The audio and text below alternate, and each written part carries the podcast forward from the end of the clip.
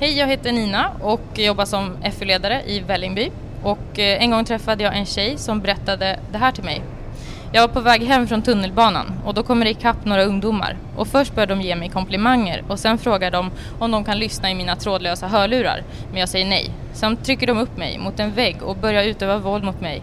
Och de hotar mig och säger att de ska slå ihjäl mig. Det här fortsätter ett tag och jag känner hur en person håller en hand mot min strupe. Jag känner att nu är jag på väg att svimma. Jag tar den sista luften som jag känner att jag har kvar och skriker allt vad jag har efter hjälp. Till slut kommer det fram några som hjälper mig. De var så otroligt många som gick förbi mig och kollade på mig. Jag fick kontakt med flera men det var ingen som gjorde något förrän jag skrek. Jag känner mig livrädd över att folk inte ser, att jag måste skrika för att någon ska ingripa.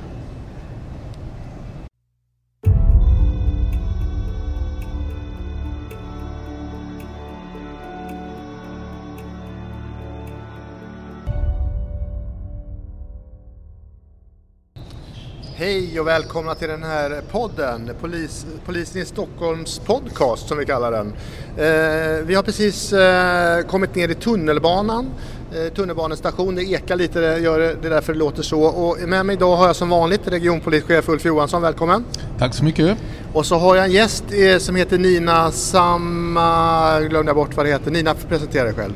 Nina Samanian. Tack, jag försökte läsa till men det sprack fullständigt. Eh, hörni, vi är nere i tunnelbanan och idag ska vi prata om ungdomsrån framför allt. Och Nina, du utreder en del så att du jobbar en del med det, eller hur? Ja, det stämmer. Ja, vad, vad, kan du, skulle du kunna def- vad är ett ungdomsrån egentligen? Ja, men det som framförallt eh, kallas som ett ungdomsrån det är ju att det är ungdomar som rånar andra ungdomar. Det är det vi ser är vanligast. Ja. Eh, bara så att lyssnarna också kan eh, reda ut det där vad som är rån och stöld. Vad är det för skillnad på rån och stöld? Kan du lätt beskriva det på något sätt? Ja, men lite snabbt så är ju stöld någonting eh, när man tar något som tillhör någon annan. Eh, det är en stöld. Men så fort man börjar använda sig av våld eller hot om våld eh, och det blir liksom en trängande fara. Mm. Då, då pratar vi om ett rån. Ja, bra, då fick vi in lite juridik där också, ja. alldeles utmärkt. Ulf Johansson, när du eh, hör det här om ungdomsrån så, vad tänker du på då? Ja, det är ju särskilt utsatta brottsoffer, våra ungdomar som råkar ut för det här och det är viktigt att vi gör allt vad vi kan för att förhindra och, se, och utreda de här brotten. Ja, men när du hör, de senaste tiden så har vi ju sett siffror på att det har stigit, det är allt fler som drabbas. Eh, vad, liksom, vad är din magkänsla eller vad, vad, känner du i dig när du hör det? Jag känner att det är viktigt att polisorganisationen jackar i och kör eh, hårt då, när vi har eh, ökat antal personrån. Vi har haft det de senaste tre åren kan vi se en ökning. Det går lite upp och ner över tid. Eh, men det är viktigt att polisorganisationen är alert, eh, att man eh, tittar på problemplatser, och jobbar intensivt mot den här typen av brott. Ja, tack. Nina, eh, hur, när du får ett sånt där brott på ditt skrivbord, vad, vad gör du då? Vad händer? Vad är det första som sker? Ja, men först försöker vi ju säkra den här platsen och, och kolla igenom om det finns eh, övervakningsfilmer och sånt där att tillgå. Eh, vittnen försöker vi fånga upp. Vi försöker såklart eh, så snabbt som möjligt också eh, prata med den som är utsatt för det här rånet. Mm. Eh, så det är det vi initialt Mm. börja med. Och hur brukar sånt, om man pratar med den utsatta då, brottsoffret, hur, hur brukar ett sånt samtal låta? Va, hur är den här personen oftast? Ja, men oftast så blir de ju väldigt eh, skärrade. De är rädda för att eh, de här rånen sker ju vanligtvis på stora eh, knutpunkter. Det är där mycket folk rör sig. Så därför är de rädda och skärrade över att det kan hända på mm. de platserna. Är det mest pojkar eller flickor eller är det lika? Jag skulle säga att det är flest pojkar som blir utsatta. Ja. Men det, det förekommer även eh, tjejer. Mm. Nu är vi då nere i en tunnelbana här i Stockholm. Jag ställer frågan förresten, jag heter Varje Lander, jag är chef för mediecentret på polisregionen. Är det här en typisk plats där det sker sådana här rån innan? Absolut, det här är ju definitivt en sån plats där i alla fall påbörjas eller att man eh, tar kontakt med ett offer. Ehm, det är de klassiska rånen, att man är uppsökande, letar sitt offer, börjar prata, kanske frågar om personen eh, har en cigarett Eh, och sen så fortsätter det antingen utanför området eller så sker rånen här. Mm. Har du själv upplevt att, har du sett en ökning själv på det här? Har ni fått fler ärenden att hantera? Ja, eh, vi hade en stor ökning i första kvartalet det här året och har jämfört med förra året och då var det nästan en dubblering Ja. Ulf, du har ju själv en gång varit, jobbat i city och känner du igen det här sedan, sedan din tid när du var ute och svängde batong?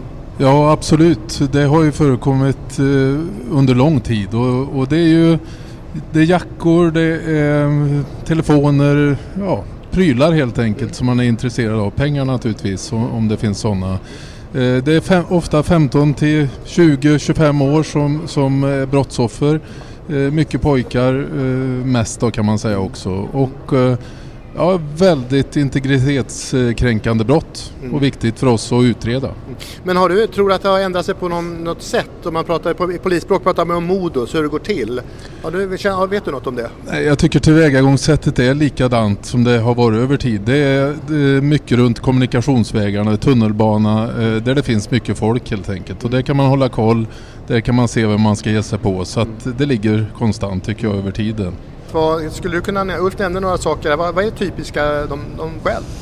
Eh, ja, men min erfarenhet på sista tiden här så har det varit otroligt mycket airpods eh, och det är också något som man initierar genom att fråga om man får lyssna på musik precis som den här historien berättade inledningsvis. Eh, det kan även vara märkesjackor, det kan vara telefoner, bankomatkort med kod eh, och andra märkeskläder. Mm. Eh, du kommer ju antagligen i kontakt med förövare också, en och annan grips ju faktiskt. Vad är det, vilka är det som gör det här? Ja men de som gör det här det är ungdomar. Eh, de, de kanske är i början på sin eh, kriminella bana så att säga. Och ja, man gör det här för att få någon slags status. Man kommer oftast från ett mindre välbärgat område och då ja, är det status i de kriminella kretsarna att göra sådana här brott. Är det väldigt unga människor? Ja, jag skulle säga att eh, det rör sig om mellan 13 till 18 år som är typiska. Vad gör du när du får tag i en, eh, en 13-åring som precis har rånat någon? Vad händer då? Ja, men det som händer är att vi måste tillkalla vårdnadshavare. Vi måste kontakta socialtjänsten eh, och sen så håller vi även förhör med de som är under 15 år som vittnen i ärendet. Eftersom de inte är straffmyndiga så är det ju den vägen vi får gå, att ut, klargöra vem, vem som har gjort vad i brottet. Mm. Eh, men är man över 15 år så blir man ju kallad på ett misstankeförhör. Mm. Ser du någon fram, gör vi någon framgång i polisarbetet mot det här? Det har ju pågått ganska länge, att mycket debatt i tidningarna. Eh, går det framåt eller står vi still? Nej men jag tycker att vi går framåt.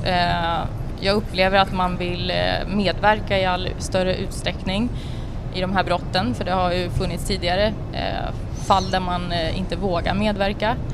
Vi försöker samarbeta mellan polisområdena här i Stockholm, samverka med socialtjänst, skolor, kommun. Men låter som vi har gjort några framsteg alltså? Är det det du försöker beskriva för oss här? Går det lite bättre? Ja, du, du, skakar lite på huvudet för att eh, det, är ändå en debatt som pågår att eh, vi inte, att vi inte lyck, riktigt lyckas med de här brotten. Så Ulf, jag vänder mig till dig faktiskt. Eh, ni har ju satsat oerhörda resurser, det vet ju alla numera, på det grova våldet och skjutningar och också rätt mycket mot, i brott i nära relation som det heter. Det här, har det här ramlat mellan stolarna? Nej, det skulle jag inte säga. Det, det, är högt prioriterat i alla våra polisområden och eh, vi kan se att vi har gripit eh, väldigt många gärningspersoner den senaste tiden. Vi hade senast i polisområde syd här där åtta fall klarades upp och det är extremt viktigt att få den här återupprättelsen. Och då krävs det att polisen är på tårna och, och ger järnet till den här typen av brottslighet. Visar brottsoffren att vi finns där och går till botten med det. För man måste ju ändå säga, eh, om man följer mediedebatten så framkommer det ju kritik mot att polisen är ganska flat och inte tar det här på allvar och återkopplar till ungdomar och så. Men ni beskriver en liten annan, i alla fall du beskriver en liten annan bild Ulf. Känner du igen den Nina? Ja, alltså det är svårt. Jag håller med. Vi behöver, behöver satsa på, på att synas på sådana här platser där det är mycket folk som rör sig, där ungdomar rör sig. Eh, det är en väldigt stor fråga. Vi kan alltid bli bättre. Mm. Men nu Ulf, eh, inledningsvis så pratade vi om vad du tyckte om den här typen av rån. Eh, eh, om du själv hade en, tonåring hemma som kommer hem och säger att han har blivit rånad, hur skulle din reaktion vara då? Ja, det första som är viktigt är att, att, lyssna och ta på allvar och förstå att det är extremt jobbigt att utsättas för den här typen av brott. Jag vet många ungdomar som jag har träffat som har rånats på jackor, mopeder och annat som upplever att det är jobbigt att gå ut, det är jobbigt att vara en, en del i vardagen. Och, eh, ja, man måste stötta så mycket man kan. Framförallt polisanmäl och, och se till att man får utreda det här så vi kan få stopp på de som gör det. Mm. En annan sak eh, som är kopplat till den här typen av rån, vi försöker också vara lite brottsförebyggande och ibland så, så ger vi råd och då hur man ska agera och så. Eh, vi är försiktiga med att tala om att man inte ska röra sig i det fria samhället och så. Men Nina, har du några tips och råd hur man ska, ja, jag ska inte säga undvika att bli rånad, men finns det något man behöver tänka på? Nej, men allmänt så tycker jag inte att man ska gå runt och vara rädd utan man ska göra det, det man ska. Man ska leva som vanligt. Men blir man utsatt själv eh, då ska man alltid ringa polisen och även om det är efteråt så ska man ringa till polisen eh, och berätta vad det är som har hänt så att polisen kan komma till platsen och börja utredningen redan på plats. För det är allt för ofta som vi eh, får anmälningar via våran, vårat kontaktcenter flera dagar efteråt. Eh, så det är mitt eh, främsta råd. Och sen om man bevittnar någonting då så tycker jag att man också ska ringa polisen. Man kan också ta upp sin telefon eh, och på behörigt avstånd filma eller fota. Försöka ta bra signalementsuppgifter och lämna till polisen. Mm. Ska man ge motstånd? Ska man låta bli att lämna ifrån sig grejerna? Vad, vad brukar ni säga om det? Ja, men vi brukar väl säga att man ska lämna ifrån sig grejerna och ofta så har man ju en försäkring som täcker Ja. Och att du säger det och eh, när polisen säger det så menar man ju förstås att det, det är bättre att bli av med saker än att bli skadad och bli av med livet. Det är väl det vi, vi säger då, Självklart. eller hur? Ja. Själv så står jag och funderar på, jag har ju, har ju, egna tonåringar hemma och när de kommer hem och berättar om sina vänner som har blivit rånade så blir man ju förfärad. Och, och det spontana är att man börjar säga du får inte gå ut eller du får inte vara, ni måste vara flera och sådär. Eh, men, men Nina, vad tycker du? Ska man gå ensam på stan när man är tonåring då? Får man göra det? Ja, men det tycker jag att man ska kunna göra, absolut. Eh, sen förstår jag om man är utsatt eller om många vän, i ens vänskapskrets är utsatta att man då vill gå med några kompisar och det tycker jag är jättebra för mm. att öka tryggheten igen. Mm. Nina, du som eh, arbetar med det här dagligen och också stöter på en hel del av de här unga förövarna. Vad, vad får de för straff egentligen? Ja, är de under 15 år så är det ju något som vi överlämnar till socialtjänsten. Eh, och eh, ofta kan vi ju ändå hålla förhör med dem som vittnen då, där de får berätta om sin delaktighet i den här händelsen. Och är de över 15 år så utreder vi det som ett vanligt brott och eh, det som då eh, i, i straffvärde så, så, kan det ju vara en del förmildrande och en del försvårande omständigheter. Sen så får ju ungdomarna under 18 år straffrabatt idag. Så att eh, ett brott som en vuxen kan få ett års fängelse för så får man ju mycket mindre straff som ungdom och eh, man får då ofta ungdomsvård, eh, sluten eller öppen. Och då skulle man ju kunna tänka sig att man använder den här metoden bland de här ungdomarna att skicka fram så unga som de har för att, få, att straffen ska bli så låga som möjligt. Det är i alla fall en teori jag har. Ja, det kan man ju men jag skulle säga att det är vanligare med lite grövre, ännu grövre brott eh, när man gör på det sättet. Ehm, eh, vi står alltså nere i en tunnelbana i Stockholm, en typisk plats för ungdomsrån. Eh, ett fenomen som har ökat. Eh, ni lyssnar på Polisregion Stockholms podcast. Jag heter Varje Lander och är chef för Mediecentret och vi har Nina med oss, polis som utreder den här typen av brott och Ulf Johansson Eh, vi har konstaterat att brotten ökar, den här typen, och att eh, det är framförallt väldigt unga människor, men att polisen tar det på stort allvar. Men Nina nämner också att vi kanske kunde bli lite bättre, eller ganska mycket bättre om det skulle behövas. Eh, Ulf, det här är ju den sista podden inför sommaren. Och det händer ju en massa andra saker, det är inte bara ungdomsrån. Framför oss så ser vi bland annat, vi planerar för något som heter Järvaveckan, vad är det för någonting? Ja, det är en eh, vecka där eh, politiker, allmänhet och, och, olika myndighetsföreträdare träffas, diskuterar viktiga frågor. Eh, och i Järvafallet då förortens perspektiv. Mm. Och det är viktigt för oss att vara där? Det är jätteviktigt. Vi kommer att vara där eh, hela veckan och vi kommer att, att, jobba särskilt hårt och visa på våra viktigaste frågor. Mm.